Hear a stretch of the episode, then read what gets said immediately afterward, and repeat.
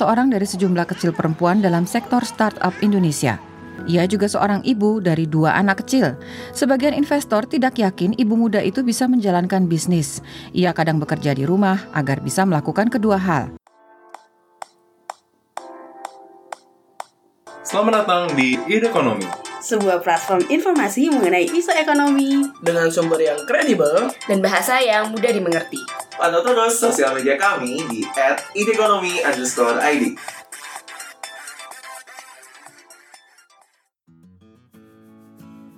Halo semua, bersama gue Safrina Nasution, kamu akan mendengarkan cerita Puan di Ide Ekonomi. Rangkaian episode tentang perjalanan kita perempuan dan laki-laki bersama menuju kesetaraan. Sudahkah kita berdaya dan setara? Yuk dengerin langsung di Cerita Puan. Halo semuanya, selamat datang kembali di episode Cerita Puan. It has been a while kita nggak recording nih untuk Cerita Puan, jadi personally aku sangat excited to host this episode. Dan aku harap juga sudah banyak dari kalian ideal listeners yang menunggu episode Cerita Puan. Nah, di episode kali ini kita akan discuss tentang para perempuan pengusaha Gimana sih suka dukanya? Apa yang mendorong perempuan menjadi pengusaha? Apa juga yang menghambat perempuan dalam menjalani atau mendirikan usahanya? Apakah regulasi dari pemerintah sudah mendukung para perempuan pengusaha?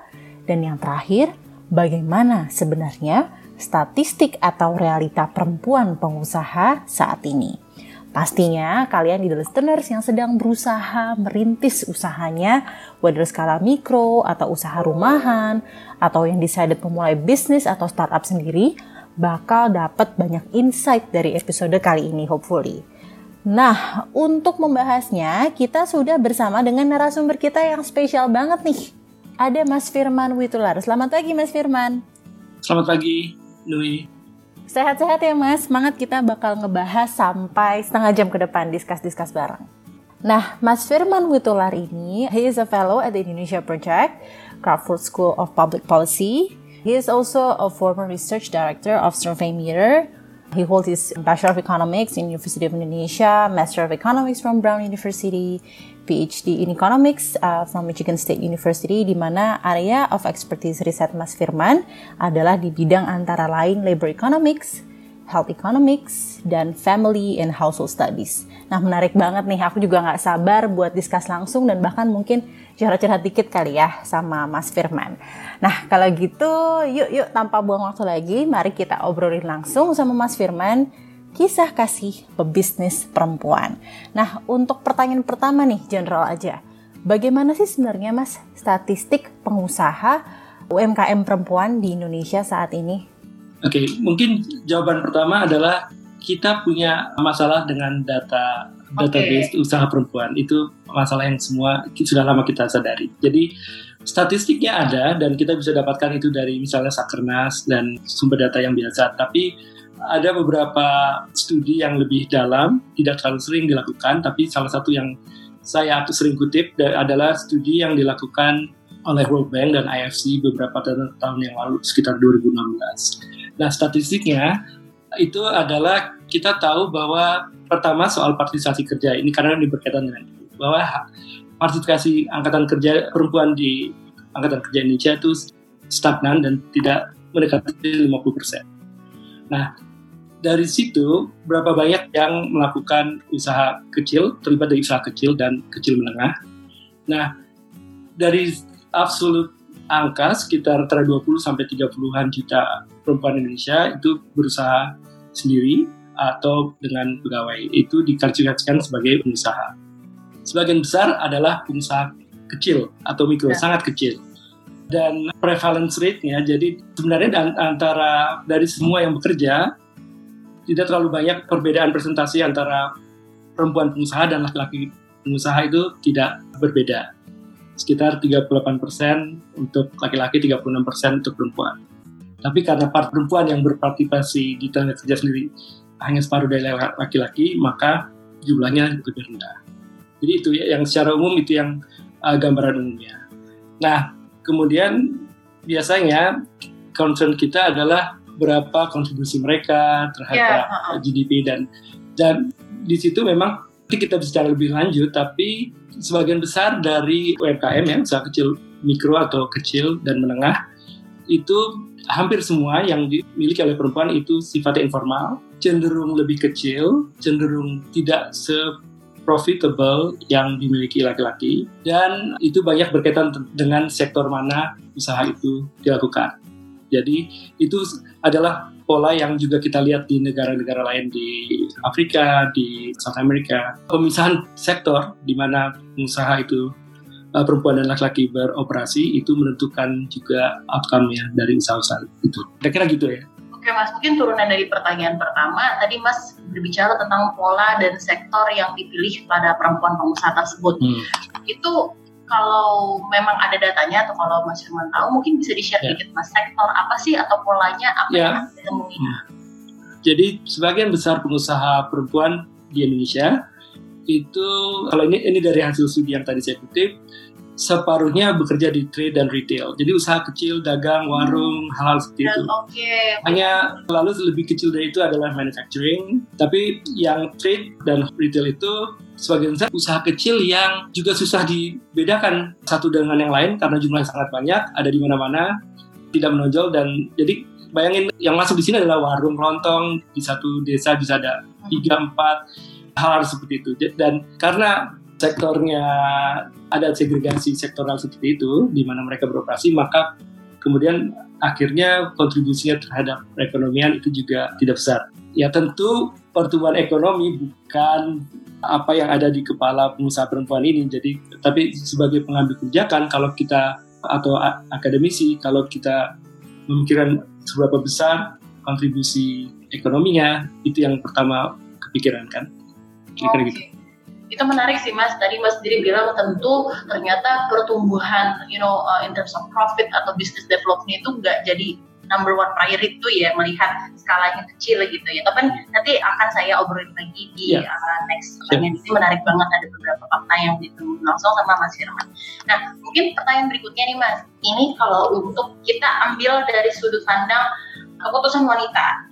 Keputusan wanita bekerja sama berusaha. Jadi kalau misalnya buat yang meniti karir nih pekerja perempuan kan terpolarisasi di bidang pekerjaan tertentu. Jadi contohnya misalnya di perusahaan atau bagi perempuan yang you know meniti karir laddernya itu kita lihat sendiri bahwa perempuan yang duduk di level manajemen atas atau eksekutif ya para bos gitu masih dikit banget nih mas datanya. Maksudnya yeah. based on data kita ngeliat oh masih dikit banget ya cuma tujuh persen lah gitu atau gimana kecil lah gitu datanya dibandingkan dengan male leaders nah kalau perempuan yang berusaha sendiri atau atau entrepreneur gimana mas berarti sedikit banget ya lebih iya. sedikit yeah. lagi kah yeah. atau bagaimana Ya, uh, sekali lagi saya fokus saya karena studi saya fokusnya ke pengusaha itu usaha kecil, mikro, jadi saya lebih banyak uh, yeah, yeah. bisa bicara di situ ya. Betul, segregasi seperti itu pekerjaan itu sangat jelas ada baik di sektor formal dan seperti tadi ataupun di usaha di, di dunia usaha. Tentu ada teori yang menarik ya, misalnya kalau mau bicara teori ada teori identity economicsnya. Akerlof bilang bahwa laki-laki sama perempuan itu mereka akan suffer from loss of identity kalau mereka bekerja di pekerjaan yang tidak sesuai dengan tanda kutip identity norma Oh, ada bahkan teori ekonomi gitu ya? Itu Akerlof yang menang Nobel beberapa tahun lalu dengan Cranton punya teori itu. Ada lagi Claudia Goldin juga. Dia adalah she's a very famous labor economist. Dia juga teorinya adalah pollution theory of the discrimination. Jadi ada kerjaan yang punya prestis tertentu, misalnya kerjaan ini maskulin laki-laki begitu ada perempuan oh. masuk maka wah ini kerjaan ini jadi nggak bergengsi ada hal seperti itu. Nah, mm -mm, ada ya ternyata. Nah, Nah, tapi kalau di dunia usaha dan usaha kecil itu mungkin juga terjadi, tapi ini melebar ya jadi saya bicara. Tapi kalau untuk dunia usaha kecil mungkin yang lebih di dunia kewirausahaan itu adalah hal-hal kecil dari rumah tangga dari kebebasan untuk mengambil keputusan berusaha bekerja atau tidak, lalu uh, untuk berusaha akses ke aset rumah tangga mana yang bisa dipakai buat usaha, lalu akses ke keterampilan ke pendidikan kan, jadi akumulasi keterampilan, akumulasi pendidikan yang beda antara perempuan laki-laki misalnya beda itu akan terus punya implikasi ke jenis-jenis kemudian usaha yang mereka bisa kerjakan.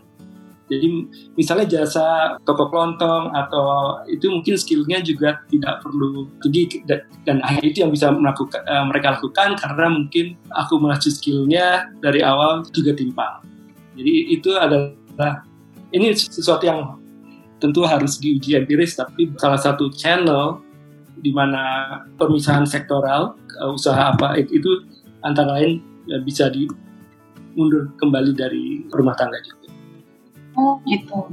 Oke mas, berarti kalau in terms of decision making si perempuan ini keputusan dia untuk menjadi pengusaha itu sebenarnya pilihan atau tadi yang berdasarkan teori ekonomi tadi itu sebenarnya itu memang sudah ada pola yang terbentuk dan dijelaskan di teori tersebut ya.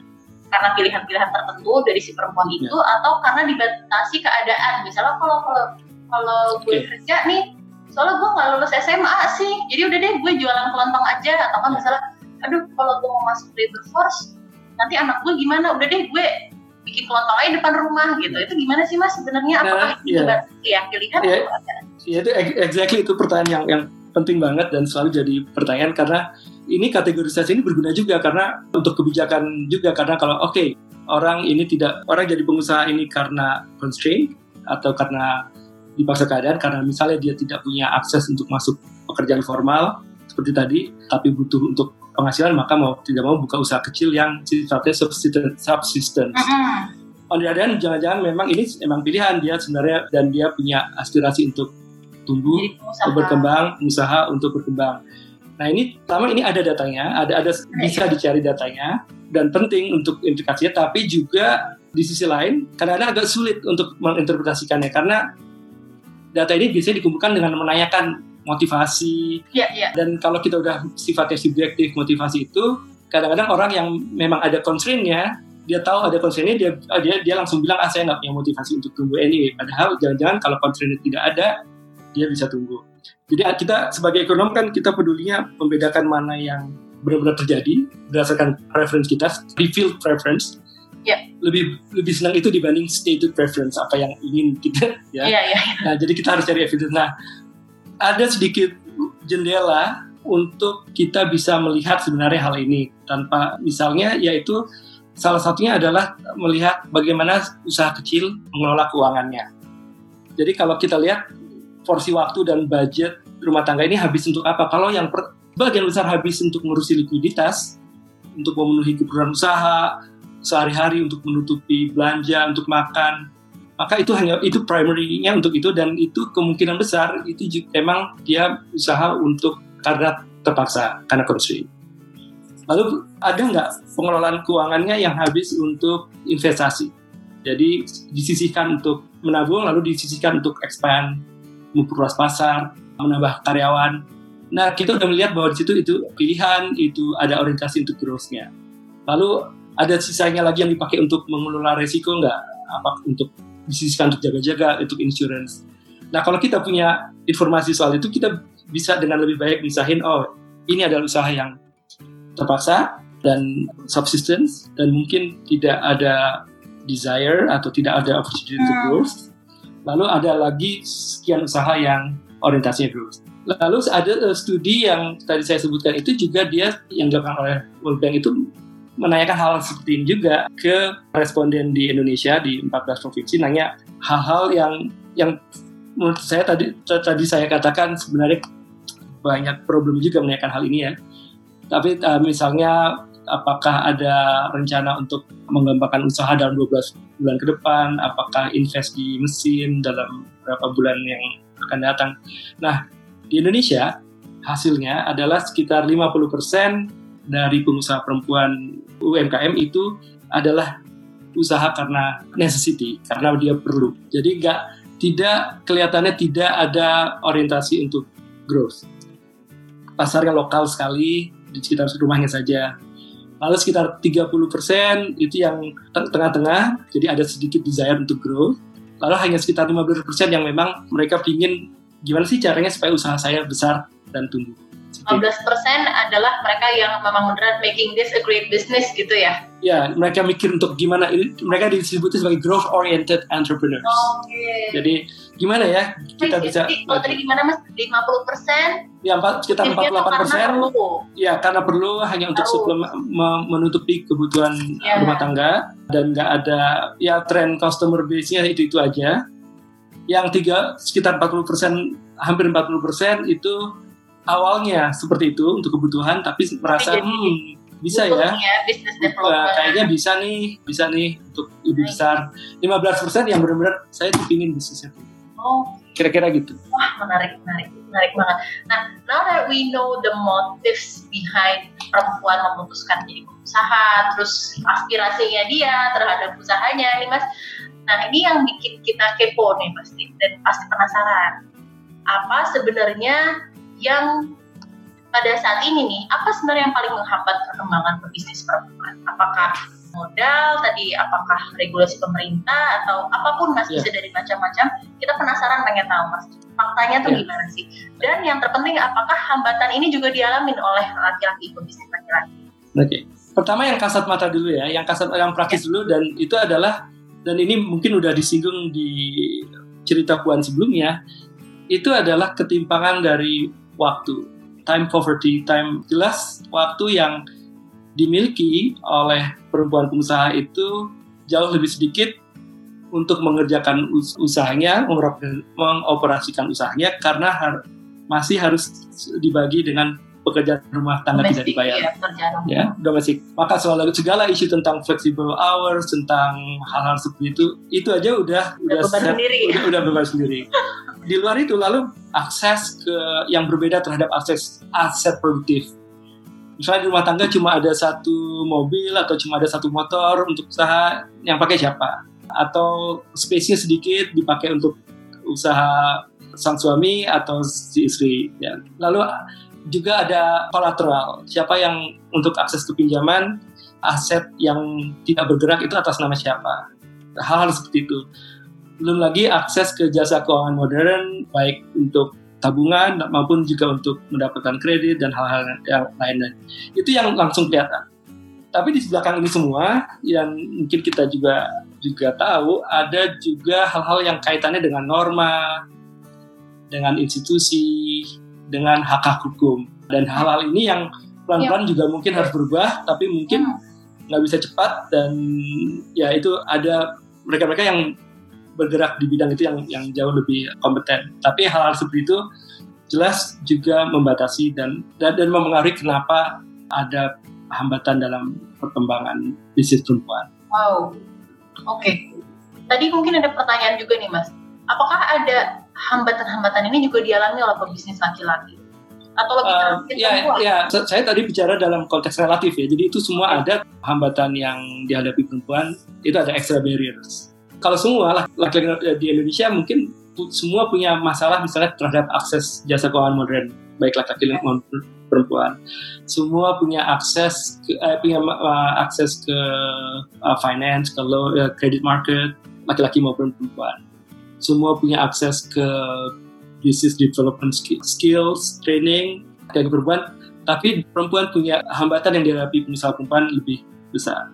Jadi jadi Ya. barriersnya itu dialami semuanya, cuman extra barriers khusus Ya. perempuan. Oke. M- Hmm, mungkin ya kalau agak panjang kalau saya boleh pakai kerangka soal yang sering dipakai biasanya untuk cerita soal ini adalah soal pemberdayaan gitu ya. Nah, jadi jadi ada tiga elemen yang penting yang Ya. sebenarnya- yang kita bisa yang useful untuk kita gunakan untuk lihat ini yang diajukan oleh Naila Kabir ya tentang yang intinya adalah soal sumber daya, perbedaan sumber daya, agency dan achievement. Nah, sumber daya itu yang tadi kaitannya tentang modal manusia modal manusianya financial assets lalu soal agency soal kebebasan berpendapat pengambilan keputusan baik di rumah tangga maupun di masyarakat dan kemudian outcomes-nya. Akhirnya gimana? Siapa yang memiliki pendidikan lebih tinggi siapa yang memiliki well-being lebih bagus pendapatan yang lebih dan aset yang lebih tinggi. Nah jadi ya dalam kerangka ini uh, jadi partisipasi tenaga kerjaan saja tidak serta merta bisa kita artikan sebagai pemberdayaan, tapi proses pengambilan keputusannya, Hmm. Dan kewirausahaan jadi penting karena kewirausahaan itu dari lingkup yang kecil, paling mikro kita bisa lihat ketiga elemen tadi bekerja kan? Iya. Ya seperti itu. Berdayakan perempuan itu sendiri. Ya.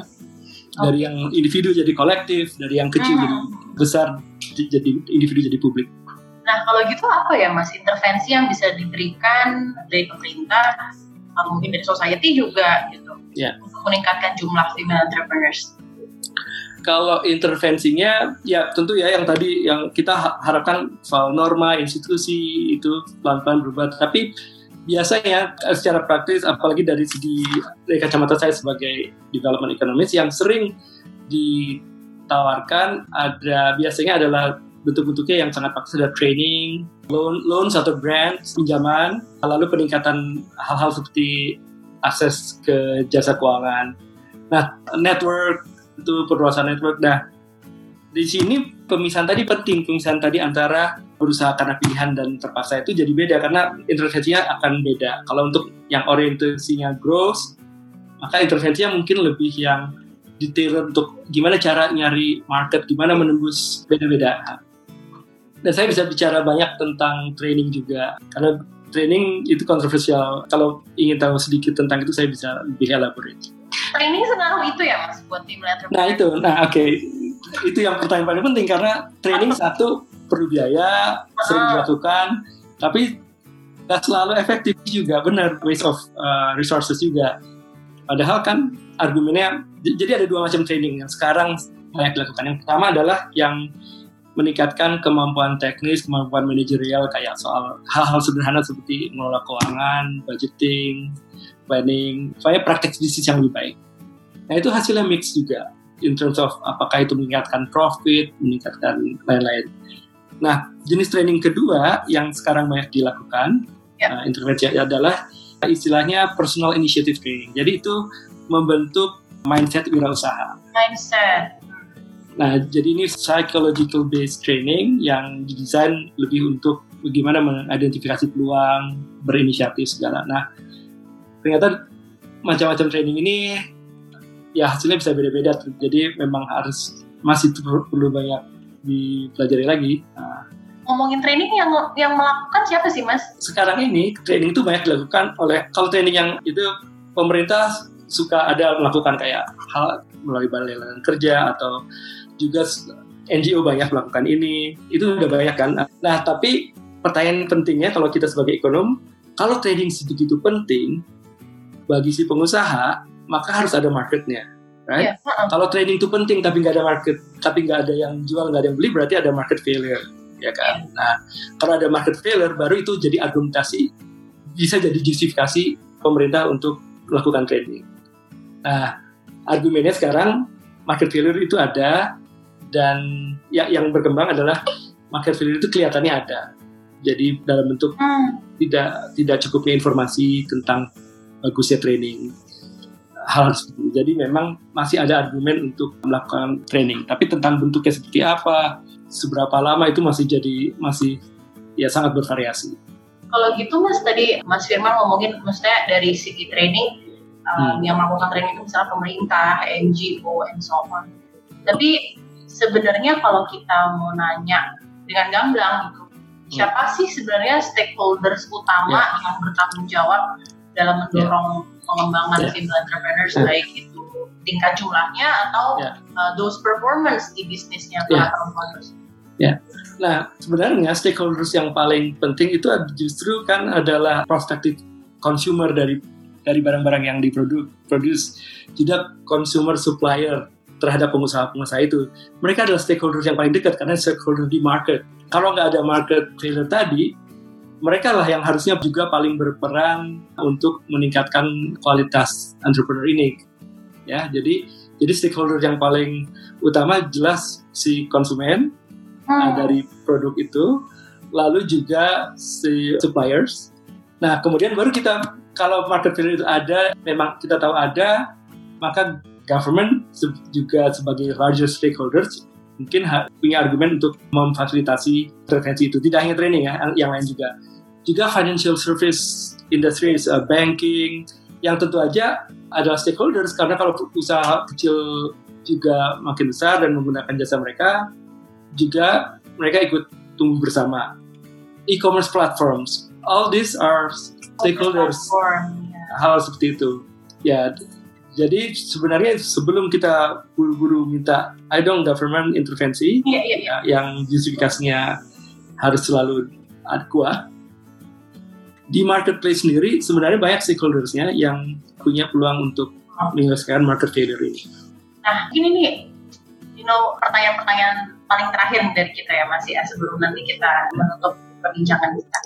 Nah, hmm, tadi Mas Firman ngomongin peluang. Nah, kalau dari kacamata Mas Firman sendiri, menurut Mas Firman, apakah ke depannya keadaan bagi pengusaha perempuan akan membaik? Peluangnya besar nggak sih?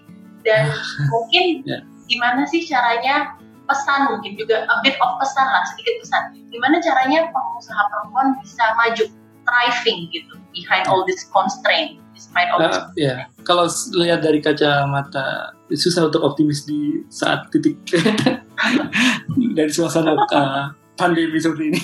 Selain tapi, tapi kalau melihat kalau melihat dari segi teknologi, dari segi institusi, ada ada alasan untuk optimis. Jelas hal seperti e-commerce yang dengan menghilangkan ya ba- berarti ya barriers, space, spatial barriers juga uh, memberi kemudahan dari flexible work hours, hal-hal seperti itu jelas menurut saya sih in favor untuk melevelkan playing field. Peningkatan akses ini ini penting juga sih akses keuangan, mobile money, all hal-hal seperti itu juga saya rasa juga jelas, eh, ju- juga sudah banyak evidence-nya itu punya pengaruh sangat positif ke eh, punya pengaruh positif ke usaha kecil, baik dalam profitability maupun growth. Jadi ya saya sih ya optimis tapi lagi-lagi perubahan akan terjadi yang lebih transformatif kalau memang pelan-pelan barriers atau uh, dalam bentuk norma institutional dan legal itu juga bisa ikut berubah. Oke, ya hopefully things are getting better ya Mas ya. Ini pertanyaan dari ide listeners nih, ternyata ada yang masuk dari kita. Ah, oke. Pertanyaan yang dilempar langsung Oke. dari pendengar ide ekonomi. Mungkin aku akan nanya pertanyaan yang ini yang aku pilih ya. Apakah secara genetik atau bawaan lahir ada karakteristik tertentu dari perempuan yang membuat dia lebih worst off dibandingkan laki-laki dalam berwirausaha? Misalnya ada mitos yang bilang wanita lebih ja- gak jago nyetir dibandingin laki-laki. Nah, kayak tadi Norma ya Mas Nadia. Can the same framework can be applied to entrepreneurship skill? Atau malah sebenarnya enggak? Jangan-jangan perempuan jago banget nih gitu kalau jadi pengusaha. Studinya ada yang yang mencoba melihat tentang personality traits, juga hal-hal seperti race preference, apakah misalnya ada gender differences, ada perbedaan gender uh, gender dalam bagaimana preferensi terhadap risiko, dan itu kemudian dikaitkan dengan kewirausahaan. Personality trait sendiri, saya nggak lihat antara perbedaan laki-laki dan perempuan nggak perbedaan personality itu ada di semua, maksudnya antara di laki-laki da, eh, yang risk averse sama yang risk taking juga ada. Jadi it's not necessarily gender, tapi personality itu berpengaruh ke kewirausahaan itu evidence-nya ada. Tapi apakah by gender itu ada bedanya? Saya nggak, saya belum baca itu. Nah, tapi di saat itu, itu kan traitnya, tapi di saat kemudian di realitanya, apakah kemudian ada studi, saya nggak tahu di, di Ghana atau di mana yang lihat, oh pengusaha perempuan lebih menghindari failure jauh lebih lebih lebih takut terhadap failure dibanding laki-laki. Tapi ini that's not necessarily trait kan, itu bisa jadi karena ya environment ekosistem yang seperti itu. Iya. Jadi ya kira-kira itu. Nice to know berarti ya Mas. Jadi jangan jangan maksudnya itu jangan-jangan Ya. Cara pandang itu dibentuk oleh perempuan sendiri lagi ya jangan-jangan. ya da- dan konteks dan uh, ekos uh, ya tapi memang ya kemudian ada yang soal brown versus brain ya, ya tapi nggak saya nggak saya belum lihat ya saya nggak lihat itu deh belum belum lihat evidence-nya. Oke deh Mas, kalau gitu nih pertanyaan terakhir nih dari kita, ini juga jadi ciri khasnya ahli ekonomi nih Mas. Menurut Mas Firman, gimana sih analoginya nih tentang kondisi female entrepreneurs Indonesia? Dibayangkan kayak apa sih nih rasanya nih keadaan ini? terus saya nggak terlalu jago saya soal nyari analogi ini jadi saya mungkin minjem analogi yang udah pernah saya dengar juga ya seperti lari maraton di satu track yang sama tapi mungkin pelari perempuan lebih banyak menghadapi kerikil. Kalau dalam norma, oh mungkin sepatunya harus seperti ini atau harus seperti ini, jadi larinya lebih lambat atau oh harus ada waktu yang diluangkan untuk domestik, jadi harus berhenti nggak hanya untuk ambil minum tapi ngurus urusan pada harus gitu. Uh, tapi kaitannya ya it's not a, the best analogy tapi sementara ini mungkin itu ya. Jadi yang jadi peran kita adalah ngilangin barriers-barriers itu. Jadi kayak lari estafet di track yang sama, tapi let's say misalnya yang perempuannya ada lompatan galahnya lah, tiba-tiba yeah, ada yeah. keriki. Yeah, yeah. Terus sepatunya juga kurang canggih gitu ya maksudnya. Atau ada norma yang bilang kamu sepatunya nggak boleh begitu. Oh, terus. Gak pantas sepatunya lain seperti okay, itu okay. misalnya. mas terus terus seru banget mas. Oke deh kalau gitu, thank you banget Mas Firman buat yeah. diskusi dan elaborasinya. Uh, menyenangkan banget, very very insightful dan also menyegarkan banget pikiran kita tentang suka duka juga dan realitanya menjadi pengusaha perempuan. Kita harapkan semoga bisa kasih gambaran tentang realita yang saat ini dihadapi oleh para pengusaha perempuan. Tapi tentunya uh, dari Mas Firman juga nih ya, tentunya dengan perbaikan regulasi dari pemerintah, shifting pada norma inisiatif, serta kemudahan dan akses modal, training, dan pengembangan teknologi pengusaha perempuan, trajektori ke depannya akan semakin promising. Setuju nggak Mas? Ya kira-kira seperti itu, ya setuju. Lebih bagus dari kesimpulan saya sendiri. Oke deh Mas. Oke kita harap bagi kamu perempuan juga di listeners jangan takut untuk mulai usaha habis dengerin episode yang ini. Thank you so much Mas Firman waktunya buat ide ekonomi. Ya, kita sampai sama-sama. di lain kesempatan ya Mas. Ya. Sehat-sehat selalu Mas Firman. Ya, sama-sama. Terima kasih, Mas. Terima kasih.